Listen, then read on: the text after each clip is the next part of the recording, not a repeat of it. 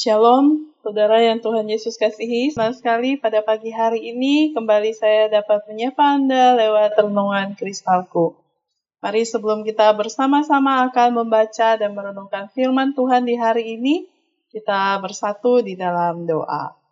Bapa di dalam surga, kami bersyukur kepadamu ya Tuhan, oleh karena kasih dan anugerahmu pagi hari ini, kami boleh ada sebagaimana kami ada, semua adalah karena kebaikan dan anugerah Tuhan.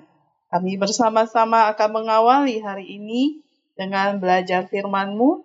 Tuhan Yesus tolong kami supaya kami dapat mengerti dan melakukan firman-Mu. Terima kasih Bapa di surga. Demi nama Tuhan Yesus kami sudah berdoa dan mengucap syukur. Amin.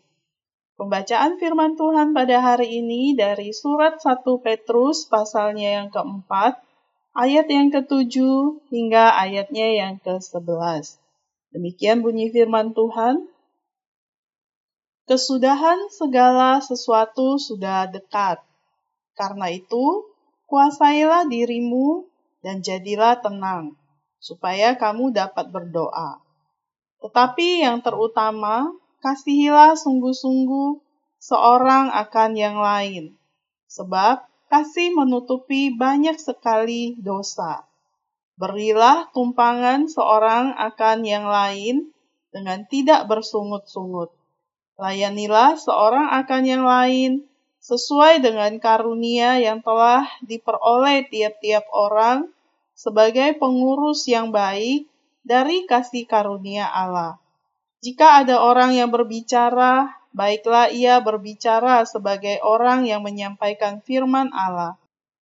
Jika ada orang yang melayani, baiklah ia melakukannya dengan kekuatan yang dianugerahkan Allah, supaya Allah dimuliakan dalam segala sesuatu karena Yesus Kristus.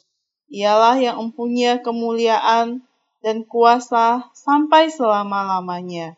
Amin. Sampai sejauh demikian pembacaan firman Tuhan. Saudara, tema renungan kita hari ini adalah belajar mengampuni. Seorang bercerita sewaktu dia berjalan di sekitar rumah, seorang bapak dengan tidak sengaja menyiramkan seember air kotor ke kakinya. Sandal dan kaki yang semula bersih tiba-tiba menjadi hitam terkena kotoran. Bukannya meminta maaf, bapak itu justru memarahi orang itu yang tidak memberi abah-abah ketika hendak melewatinya.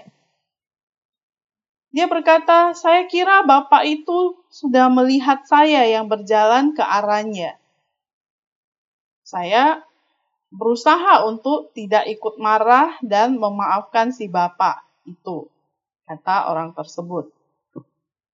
Saudara, ada banyak situasi di mana kita bisa terpancing untuk marah dan bersikap tidak baik kepada orang-orang di sekitar kita. Apalagi jika jelas-jelas hal itu adalah kesalahan yang ia perbuat. Namun, bacaan kita hari ini mengajarkan kita bagaimana kehidupan seorang Kristen yang benar. Kita diingatkan untuk saling menunjukkan kasih karena kasih menutupi banyak sekali dosa. Ayat 8 yang tadi kita baca.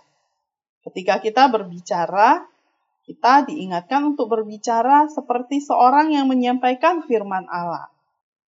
Dari sini kita bisa belajar untuk memiliki kehidupan Kristen yang mempermuliakan Tuhan dalam seluruh aspek kehidupannya. Jadi, jika hari ini kita bertemu dengan orang yang dalam tanda kutip menyiramkan air kotor dalam kehidupan kita, pergilah membasuh hatimu di dalam kasih dan pengampunan Kristus, sehingga kita pun bisa membagikan pengampunan kepada orang yang membutuhkan. Saudara, ingatlah, pengampunan akan jauh lebih mudah dilakukan ketika kita tidak menunda-nunda untuk memberikannya. Demikian firman Tuhan. Mari kita berdoa. Terima kasih Bapa di dalam surga untuk firman-Mu yang kami sudah baca dan renungkan. Yang sudah mengingatkan pada kami untuk terus belajar dan belajar untuk mengampuni. Kiranya kasih Tuhan sungguh boleh terus terpancar melalui kehidupan kami dan kami terus boleh membagikan pengampunan kepada orang yang membutuhkan. Serta sertailah kami di hari ini dalam segala tugas kerja yang kami lakukan, anak-anak yang belajar, orang tua dalam usaha kerja mereka selalu dipimpin oleh Tuhan. Terima kasih Bapak di surga.